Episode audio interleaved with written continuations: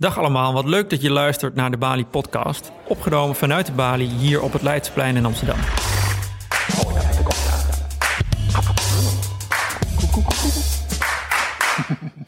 In deze podcast selecteren we spraakmakende momenten, interviews of columns uit het podiumprogramma van de Bali. Mijn naam is Rick Zeveke en ik heb collega-programmamaker Tim Wagenmakers meegenomen om te praten over de aankomende Franse verkiezingen. Ofwel, zoals onze premier Mark Rutte het noemde, de halve finale tegen het verkeerde populisme. We gaan in deze aflevering luisteren naar een aantal fragmenten die zijn opgenomen tijdens deze avond over de Franse verkiezingen hier in de Bali eind maart. Tim, zou je misschien iets kunnen vertellen over uh, deze avond, uh, wie daar hebben gesproken en waar het over ging? Ja, dat kan ik wel. Um, deze avond werd trouwens op de avond zelf, uh, of, of, de verkiezingen eigenlijk, werd eigenlijk meteen de finale van de strijd tegen het verkeerde populisme genoemd, omdat er zoveel op het spel staat. En we hadden een aantal sprekers die dat heel mooi konden duiden. De Nederlandse schrijver Adriaan van Dis. We hadden twee jonge sociologen en fotografen, Simone van, Simone van de Wetering en Sophie van S. En we hadden um, twee nou ja, zwaargewichten uit de Franse politieke en universitaire wereld. Christophe de Voogd van um, Sciences Po in Parijs. En Nathalie Nougayrede, voormalig hoofdredacteur van Le Monde en nu buitenlandcommentator bij The Guardian. En zij bespraken eigenlijk waarom deze verkiezingen, die, op, uh, nou, die in twee rondes gaat. Hè. Je hebt uh, eerst de eerste ronde op 23 april en daarna de tweede ronde op 7 mei, waarin ze dan kiezen wie er president wordt.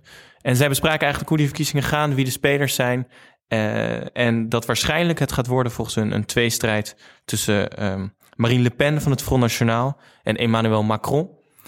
Ook wel uh, jonge, uh, onafhankelijke, zo presenteert hij zichzelf nu, presidentskandidaat. Nou ja, en dat, en dat gaat natuurlijk over affaires. We hadden de affaires rondom François Fillon. We hebben de oud-gediende bij de Partij Socialist van Hollande, die helemaal in elkaar dreigt te storten. Er gebeurt zat en daar hebben we het die avond over gehad. Even kort voor mijn begrip, wat is het verschil tussen de eerste en de tweede ronde? Hoe werkt dat? In de, in de eerste ronde kan eigenlijk iedereen zich aanmelden. Nou, je moet, je moet wel een soort kiesdrempel halen. Maar we hebben ongeveer elf kandidaten nu die strijden om uh, stemmen. En de twee met de meeste stemmen gaan door naar de tweede ronde. Behalve als er iemand de absolute meerderheid haalt. Maar dat is nog nooit, uh, volgens mij, ik weet niet zeker, volgens mij is dat nog nooit voorgekomen. En nu in de peilingen staan dus uh, Le Pen en Macron op winst voor de eerste ronde. En die strijden dan in de tweede ronde. En in ronde twee zijn er twee kandidaten en dan stemt nogmaals het hele land. Ja. Op een van de twee. Dus je kan eigenlijk, als je eerst voor Fillon hebt gestemd, maar je denkt daarna, want hij is het niet geworden, ik wil toch liever uh, dat Le Pen geen president wordt of Macron geen president, dan stem je op die ander en dan telt je stem weer. Kun je uh, één, twee onderwerpen uh, benoemen wat ongeveer de belangrijkste besproken issues waren tijdens deze avond? Nou, het belangrijkste wat besproken werd is de angst want zo mag ik het echt wel noemen van de sprekers, dat Marine Le Pen president wordt. Uh, de peilingen wijzen erop dat ze het niet wordt, maar zij zeggen pas op, want het kan nog gek gaan lopen. En aan de andere kant de verschillende crises die Frankrijk doormaakt, namelijk een veiligheidscrisis met alle aanslagen, een identiteitscrisis, wat is Frankrijk, en ook een um, economische crisis, um, jeugdwerkloosheid, hervormingen. En dat passeerde allemaal de revue. Oké, dan gaan we nu uh, naar een aantal fragmenten luisteren uit die avond. Uh, over onder andere deze onderwerpen. De voertaal is Engels. Uh, we gaan het onder andere ook over uitgebreid over wondermooi Macron hebben. Maar eerst bespreken we Marine Le Pen, haar programma, de kracht van haar programma en het verschil met haar vader, die Volt Nationaal heeft opgericht en haar Nederlandse politieke vriend Geert Wilders. Het fragment over Marine Le Pen. Uh, I think that there are probably fewer people who, has, who hesitate to say I will vote Le Pen mm -hmm. than there were uh, uh, 15 years ago with her father in who reached the second round uh, of, uh, of, the presidential election in 2002. But at the time, uh, in 2002, Jean-Marie Le Pen on the second round uh, earned i think he he gained 18% of the vote. She will she will probably reach the second round and she seems set to to gain much more than 18% of the vote. Um, one little thing that i think we need to to have in mind is that um, uh, one of the differences, you know, we've mm. made a quick comparison with, with Brexit. One of the comparisons, and I think there are several French exceptions, and there's not just one French exception. Um, one of the differences is that young people in France are strongly attracted to the Front National. Mm. That's a reality. The 18 to 24, 25 year olds vote Front National at approximately 39%. That's astonishing. This is, this is the reality of France today. The larger group is abstention. Actually, the first party in, among the young people is abstention, but the first uh, official political party is the Front National. And this certainly was not the case in Britain. If you compare with Brexit, young people in Britain were overwhelmingly in favor of remaining in the European Union. They were not attracted by the populist uh, rhetoric. Uh, how, how, do we explain how do you this explain that? I, youth? I, I, you know, again, there, there will be many um, versions probably, but my hypothesis is that uh, it has, it all has to do with the economic situation and unemployment uh, but not just recent unemployment, uh, almost structural, permanent unemployment, especially among the young. It's the unemployment rate in France among the young people, 18 to 24, 25, is is 24, 25 percent. Okay, that's that's that's the unemployment that's rate. In Britain, it's half as much. In this country, I think it's much lower. Um, so this is a French specific ingredient, and among young people in France who do not have qualifications, who do not have diplomas, you have 46% unemployment. So what we have in France is uh, a generation, a younger generation that feels it is not given the opportunities. And when you have, uh, and whatever its origins, by the way, of course it's worse for immigrants, children of immigration. But all young people are faced with this reality in France. And when you have that, imagine in any family, when you have a young person who's confronted with this problem, mm. it affects everybody in the family, right? Mm. It affects of the course. parents, it affects the brothers, the sisters, everybody's affected. So this, I think, is like the cancer of French, it's high youth unemployment for decades. Would you agree that feeds Le Pen? The reality is that you do have uh, a society that has uh, moved towards uh, more rejection. That's that's the reality. There is it's a society that is now fractured, uh, and of course the terrorist attacks uh, have traumatized France, and, and, this this is indeed one of the French exceptions. When when we see Western d- democracies challenged by populism, anti anti establishment sentiment, one of the specific French elements is indeed the, the trauma of these terrorist acts.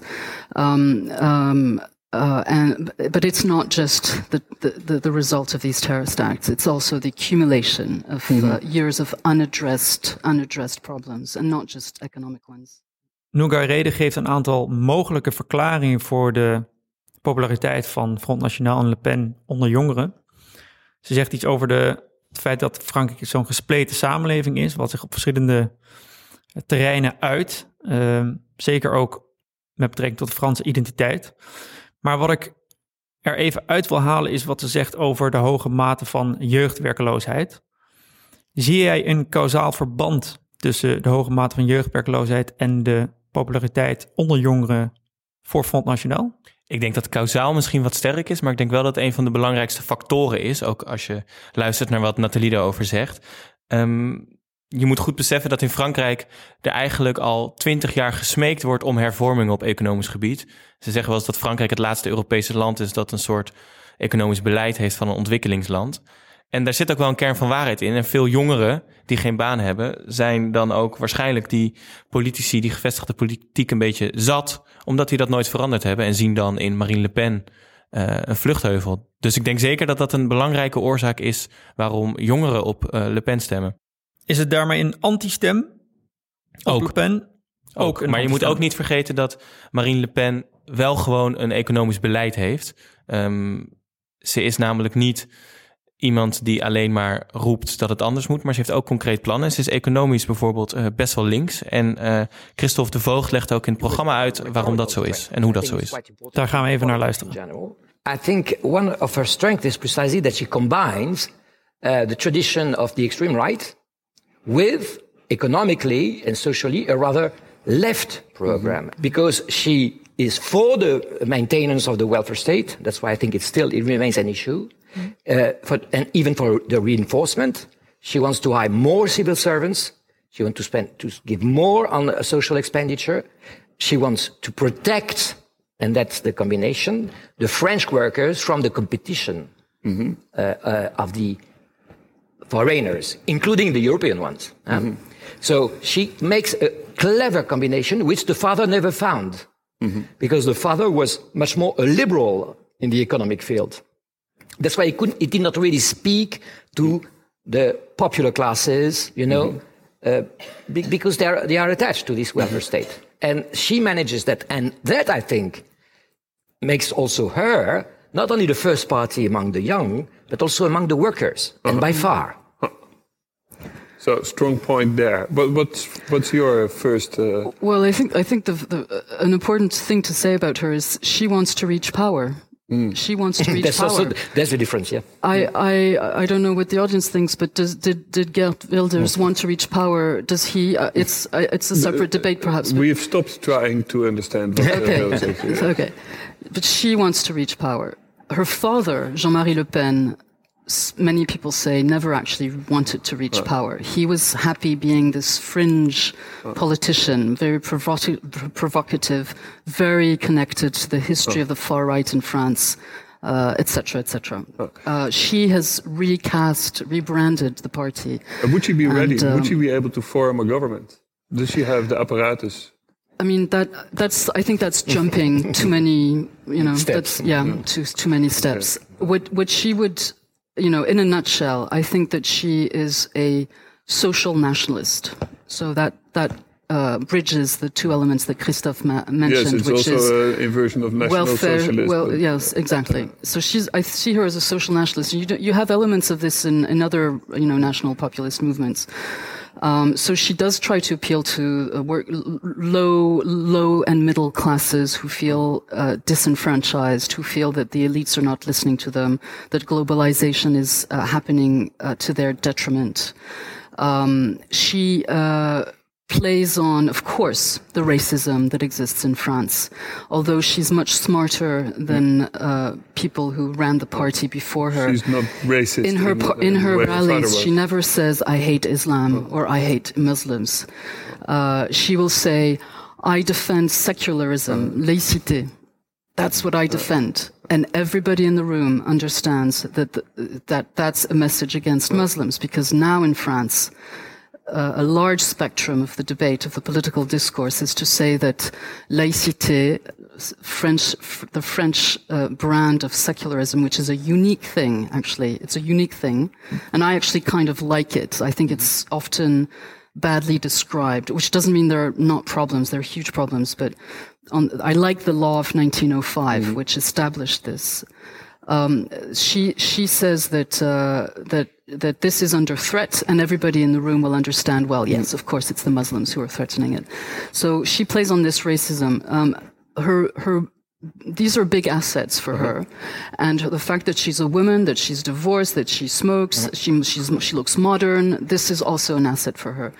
Her weakness, uh, one of her key weaknesses, is that she wants to pull France out of the eurozone, and actually, you, uh, many French people actually don't want that. So it's actually a mystery for me why is she stupid on this? If she really wants to reach power, she she should switch and just say, "Well, we could, you know, maybe stay in the eurozone." And she is, in fact, she is a bit. She, uh, first, that you're absolutely right. This is the main obstacle. I think it was also a main obstacle for Wilders here. Mm-hmm. Huh? But you're right. For this is the major obstacle. Uh. This is made under the influence of her main advisor, who comes from the left, by the uh-huh. way, huh? And who was Philippot, and was a left nationalist originally, and who is very anti-European, and he brought uh-huh. that into the into the mark. I think she now she says that she will have a referendum. a referendum, so that she tried to disconnect the election from, from uh, yeah. the, the, the, the, the European issue.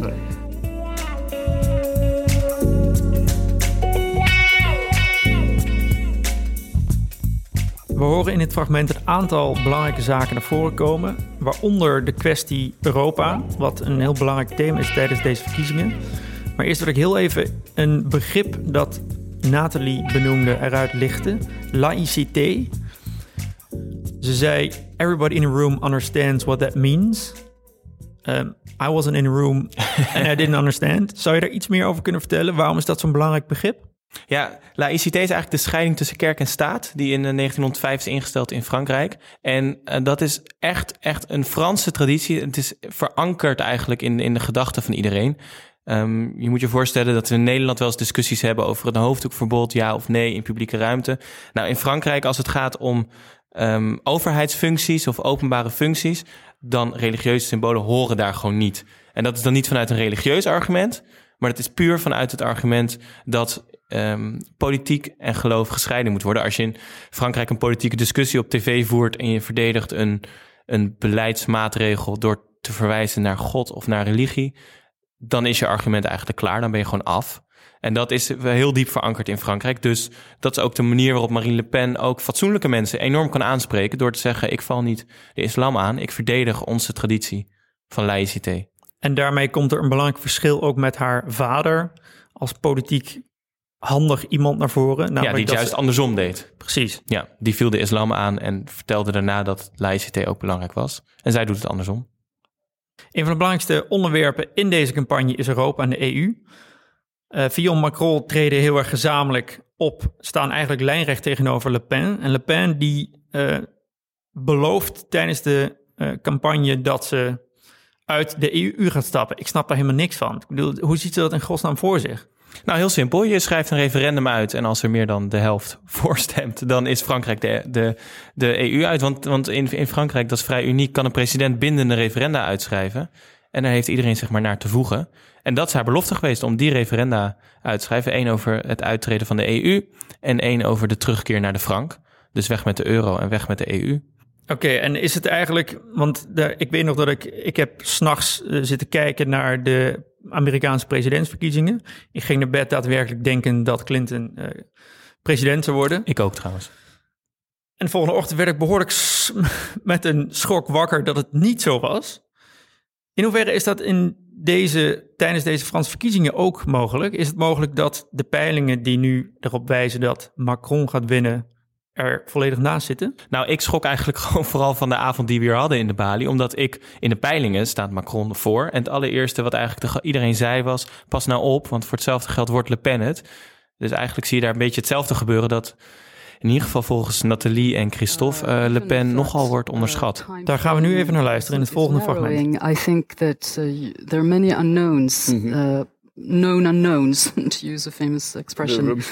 exactly. Um, And I think some, to, the, the, key known unknowns I would I would mention are the possibility of a terrorist uh, a terrorist attack, which the, would play for for Marine Le Pen, yes. obviously. Um, especially, I would say if it's Macron uh, in the second round Why facing that? her, because she will be able to play uh, even more strongly on the on the strong woman uh, strongman, authoritarian uh, image. He would not have uh, the. He would have. He would have less of a. Uh, of I think, although she has, I would say she has no credibility on that in that field as in any.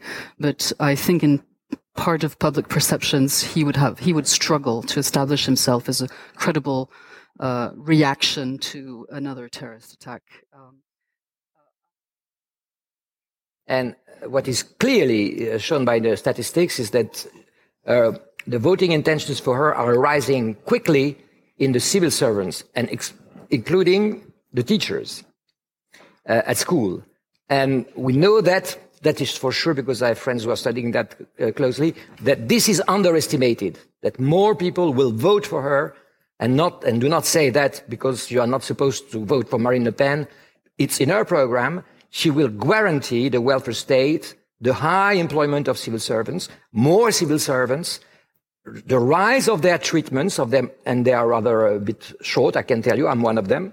Uh, and these people, and the programs of Macron and Fillon, especially Fillon, but even Macron, are a little more tougher for the, a little more bezuinigend, okay? Mm -hmm. And you do know this, this word, huh? And um, I, I, sorry, I could not find the English word, so it's so Dutch, this word, bezuiniging.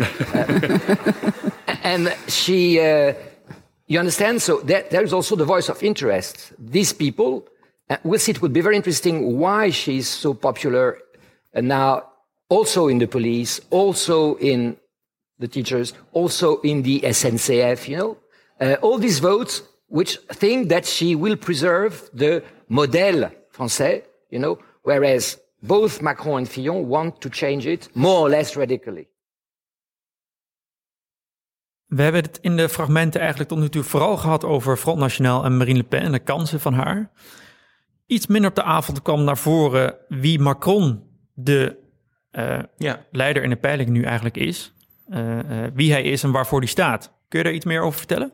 Ja, Macron is wel interessant, want hij was minister van Economie onder Hollande tot eind 2016. Toen heeft hij zich losgemaakt van de Socialistische Partij en is hij een beweging begonnen, En Marche. En nu staat hij een soort ja, hij combineert een beetje ideeën... Het klinkt Claveriaans en GroenLinks.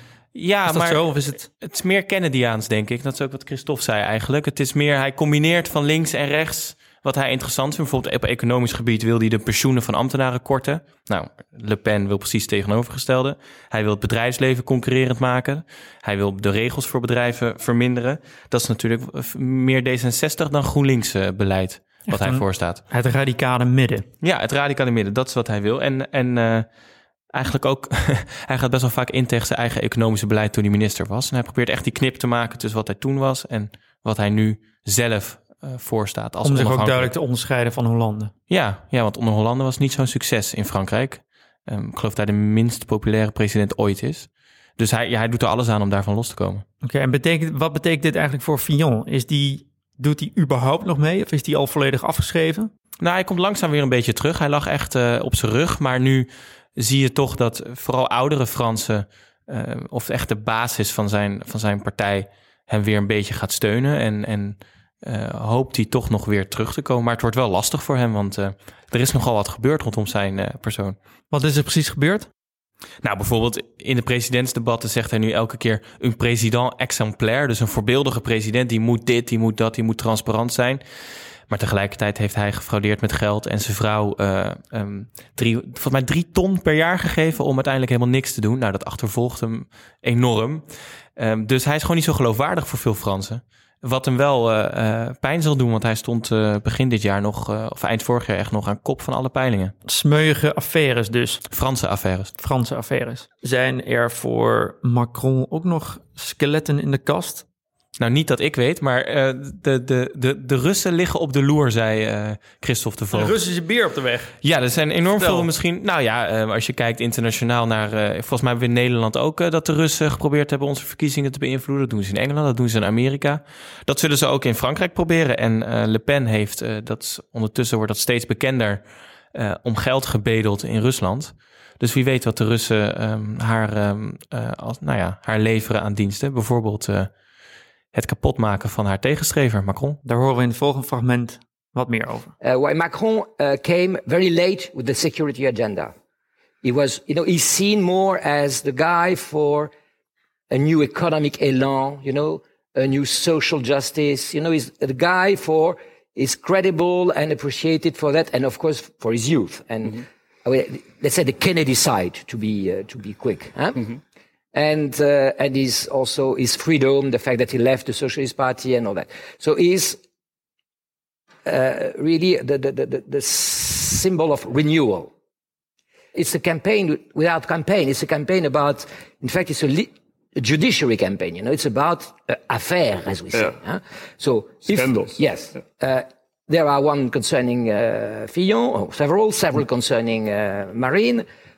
Tomorrow there might be one concerning Macron, you never know. Uh, so, and or between the, the second round and something else which I want to add, and we must, I think, take that into account. What will the Russians do? Hmm. Because it's clear that choice is very clear hmm. between Macron and Marine. Huh? Uh, what will they do? They will, will, they, will they try to influence with precisely with revelations? You, uh -huh. It's also I would say that's the fifth uh, uh, element, element of, risk. Of, of, yeah. of, risk. So it's it's really I think we do agree on that. It's so open for the first round. I also agree that uh, that uh, things now are getting uh, in this direction. But there is one risk, only one risk for Macron, and um, and this is a risk which will increase in the coming weeks. That all the socialists are joining him, or most of them. Mm -hmm and that will go on and on and on. Mm-hmm. And that the risk, of course, because the French, it's clear, they want, that's why Holland is not candidate. They want a change mm-hmm. with, with the, the, mm-hmm. the government. So it will be Macron, Fillon or Le Pen, a change.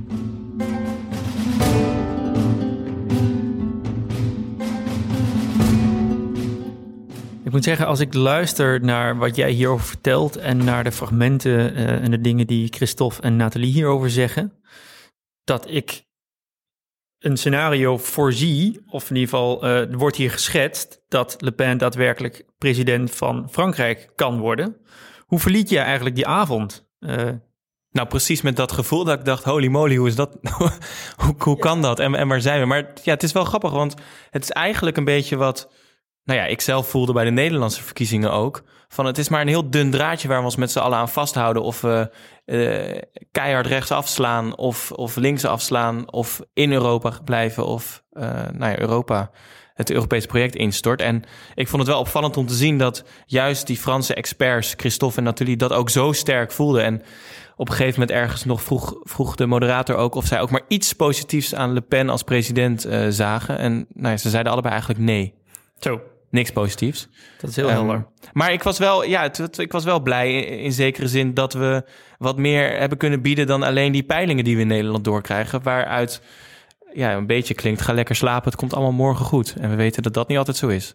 Dat weten we inmiddels uh, zeker, dat klopt. Um, gaan we nog meer, worden er nog meerdere avonden georganiseerd over de Franse verkiezingen? Ja, want we hebben nog even, want de tweede ronde is natuurlijk pas op 7 mei. En we hebben de 17 hebben we een fantastische film, Chez. Dat gaat eigenlijk over een soort fictieve Front National vrouw à la Marine Le Pen... die uh, nou ja, haar partij naar winst probeert te leiden. Front National was ik heel boos op die film. Die gaan we laten zien. We hebben daar een voorgesprek bij. En op 2 mei hebben we Renaud Girard van de krant Le Figaro. Hij is al 30 jaar uh, correspondent daar. En hij komt ons even de laatste, nou even, uh, anderhalf uur, de laatste ontwikkelingen, duiding geven. Hoe we nou die verkiezingen moeten gaan kijken. En we zullen zien of het dan nog steeds over Macron en Le Pen gaat. Of dat misschien toch Fillon of die andere namen die we nog helemaal niet genoemd hebben, uh, boven zijn komen drijven. En wanneer zijn, wanneer is de dag van de tweede ronde van de verkiezingen? 7 mei. Dat is 7 mei? Ja. Oké. Oké, dank voor je toelichting, Tim. Uh, voor de luisteraar blijft nog heel even hangen voor de bonusquote, maar niet voordat ik de volgende dankwoorden heb uitgesproken. Dank aan Pieter van der Blink, moderator van de avond. Dank aan gastsprekers Christophe de Vocht en Nathalie Nougai-Rede. En alle mensen die aanwezig waren bij de avond over de Franse verkiezingen. Deze podcast wordt geproduceerd door Tim de Gier en Anne Jansens van Dag en Nacht Media. Dank aan jullie daarvoor. In april hebben we nog twee uh, programma's rondom de Franse verkiezingen. 17 april de film Chez Nous, waar Tim het al eerder over had. En 2 mijn interview met Renaud Girard. Voor meer info en tickets uh, kijk op debali.nl. Mijn naam is Rick Zeveke. Nogmaals heel erg dank voor het luisteren. En hier de bonusquote van actrice en schrijfster, kunstenaar Nasmia Oral tijdens de interviewmarathon Slow Politics. Nagels hier in de, in de tafel. nou, um, kijk, voor mij heeft kunst... Ik, ik, kom, ik kom uit een uh, heel conservatief gezin. Uh, islamitisch opgevoed. Uh, onderdrukt. Al die dingen. En voor mij was kunst de vrije ruimte... waar ik... Um, waar het veilig was. Waar je onderzoek kon doen. Mm -hmm. Waar reden heerste ook.